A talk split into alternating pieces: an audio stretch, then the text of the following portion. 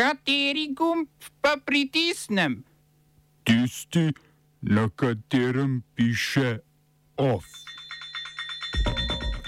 ZDA uvedle sankcije na največjo rusko banko Sberbank. Turško sodišče prepušča primer, primer Hašodži Saudovi Arabiji. Italija dovolila pristanek ladji z več kot 100 migranti. Državni zbor potrdil prepoved frackinga. V kulturnih novicah, s čim nas zalagata Goga in Cankarjeva založba.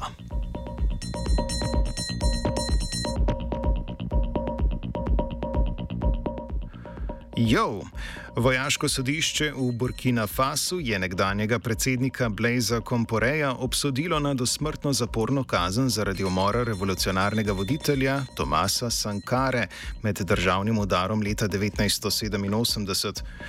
Kompore, ki je po državnem udaru vladal skoraj 30 let, je bil v 80-ih letih tesen sodelavec Sankare in mu je leta 1983 tudi pomagal priti na oblast.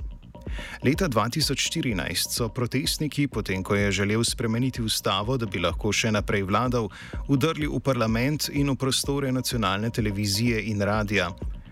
Kompore je bil takoj zatem zapustil državo, zato ni bil prisoten na včerajšnjem sojenju. Poleg njega je bilo zaradi upletenosti v umor obsojenih še deset oseb. Januarja letos se je v državi zgodil nov državni udar, ki je z oblasti spravil predsednika Roha Marka Kristjana Kaboreja.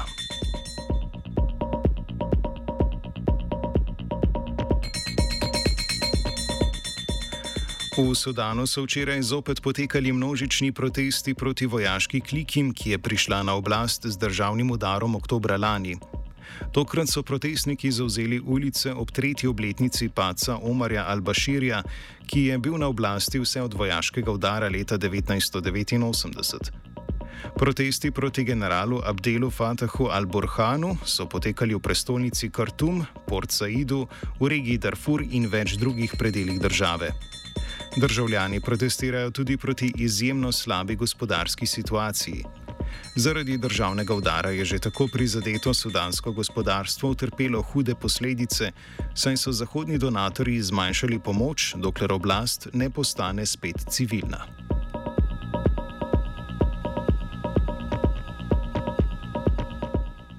Združene države Amerike so zaradi invazije na Ukrajino uvedle nov svežen sankcij proti Rusiji. Sankcije so usmerjene proti ruskim bankam in političnim elitam.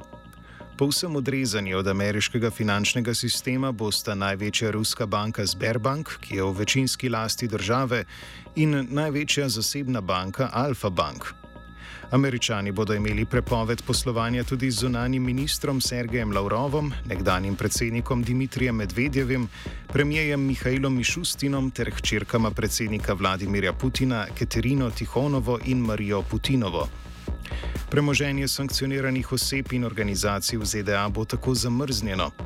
S sankcijami nadaljuje tudi Evropska unija. Potem, ko so včeraj napovedali embargo na uvoz ruskega premoga, zdaj napovedujejo nove ukrepe glede ruske nafte in plina. Povod za nov krok sankcij je odkritje ubitih civilistov v mestu Buča, za kar ZDA, EU in Ukrajina krivijo Rusijo.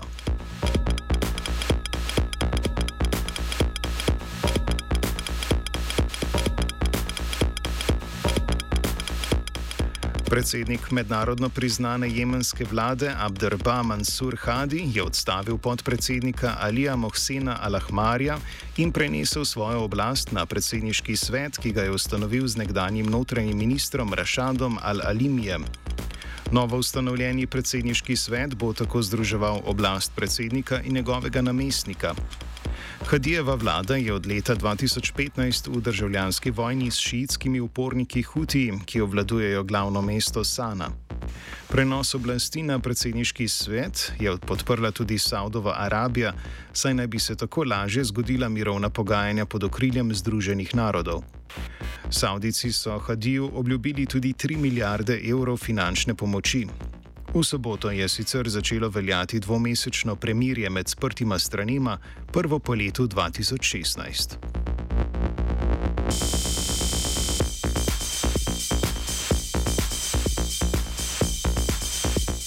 Turško sodišče je danes potrdilo ustavitev sojenja 26 osumljenim v primeru umorjenega savdskega novinarja Džamala Hočodžija in predajo primera Saudovi Arabiji.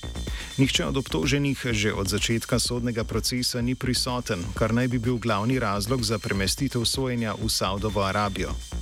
Hašodžija, ki je kritiziral savdskega princa Mohameda bin Salmana, so leta 2018 v nepojasnjenih okoliščinah umorili na savdskem konzulatu v Istanbulu. Odločitvi turškega toživstva so nasprotovale različne organizacije za človekove pravice, saj menijo, da v savdski kraljevini sojenja ne bodo izvedli. Septembra 2020 so v Saudovi Arabiji obsodili osem ljudi, katerih imen niso nikoli izdali javnosti ali turškim oblastem, ki so preiskovali umor. Prenos sojenja je predvsem korak k normalizaciji političnih odnosov med Turčijo in Saudovo Arabijo, o čemer sta pred mesecem dni govorila zunanja ministra obeh držav. Podatki turške izvozne zbornice kažejo tudi, da je Saudova Arabija začela nedeklariran embargo na turške izdelke. Ko so se po umoru Hašodžija odnosi med državama močno poslabšali, je namreč Saudova Arabija prenehala uvažati večino izdelkov iz Turčije.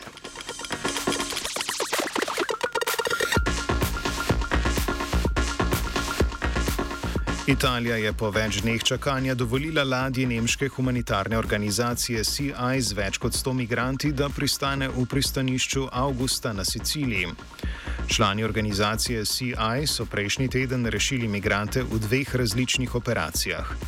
Najprej so želeli pristati na Malti, a jim tamkajšnje oblasti tega niso dovolile, niti niso za nje našle nadomestnega pristanišča za pristanek. Oba, če bom odgovoril na angliški. Slovenija will try to help. We can Slovenija will and we will do our utmost. To say that the situation is our problem ourselves. and uh, We will make further steps as soon as the conditions are. bomo vlado Marjana Cererja, Mira- Marjana Cererja Šarca podprli. uh, very, very serious. we know how and we will. Na inštitutu 8. marec so prejšnji teden od Ministrstva za notranje zadeve prejeli poziv za pojasnitev kampanje Gremo volit, v okviru katere zbirajo podpise voljivk in voljivcev v podporo predlogu zakona za zmanjšanje neenakosti in škodljivih posegov politike. Več kot 5000 potrebnih podpisov za začetek zakonodajnega postopka so zbrali že prvi dan kampanje. V koalicijskih strankah so inštitut obtožili politične kampanje, čemu je sledil tudi glavni inšpektor inšpektorata za notranje zadeve Marko Kandolf, ki je prvi dan svojega mandata podpisal poziv za pojasnitev kampanje. V inštitutu zanikajo vse očitke in povdarjajo, da v pozivu ni jasno, kateri prekršek se jim očita. V pravni mreži za varstvo demokracije so ministerski poziv in inšpektorjevo ravnanje označili za slep oziroma postopek proti udeležbi javnosti. Naslednje korake pravne mreže je na današnji tiskovni konferenci, ki jo je organiziral inštitut 8. marec, napovedala njena predstavnica Katarina Bervar Sternat. Mi bomo ta primer prijavili tudi kot slep Evropski koaliciji proti slepom um, in sicer, ker ocenjujemo, da gre um, točno za to. Um, enako bomo pa tudi uh, poročali Evropski komisiji v okviru mehanizma o poročanju stanju vladavine prava v Sloveniji. Menimo, da to ne gre samo za problem, ki nastaja v Sloveniji, da je vsem tem treba ob, ob, obvestiti tudi nadnacionalne institucije. Včeraj je potekala izredna seja državnega zbora, na kateri so poslanci potrdili novelo zakona o rudarstvu, ki uvaja popolno prepoved frackinga, enega bolj invazivnih načinov pridobivanja zemljskega plina. Za prepoved frackinga se zauzemajo v Društvu za sonaraven razvoj Fokus. Strokovni sodelavec Fokusa Tomislav Tkalec pojasni stališča društva do novele zakona. Ja, v fokusu menimo, da če dejansko držijo te navedbe, da eh, gre za popolno prepoved frackinga, seveda v tem primeru pozdravljamo sprejem novele zakona. Eh, kar pa moram povdarjati je, glede na to, da se zgodba vleče že tako dolgo in da je toliko krat eh, do tega trenutka eh, so bili neuspešni poskusi sprejetja česa takega, upamo, da v tem primeru ne gre. Uh, za situacijo, kjer, bi, kjer pa se omogoča neka pravna luknja za vseeno za izvedbo uh, projekta v Petišovcih. Torej upamo, da je zakon spisan na ustrezen način, da onemogoča uh, fracking v Petišovcih.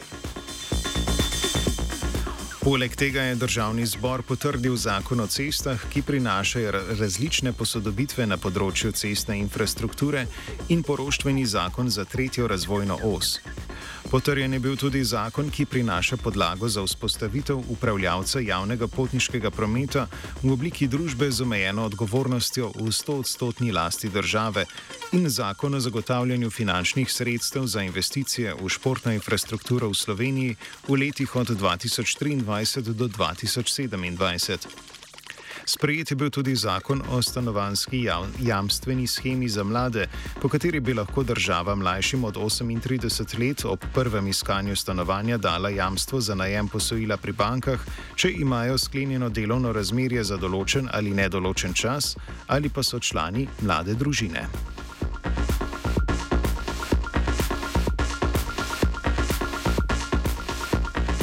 OF je pripravil vajenec Fin, zraven je pametoval Vito.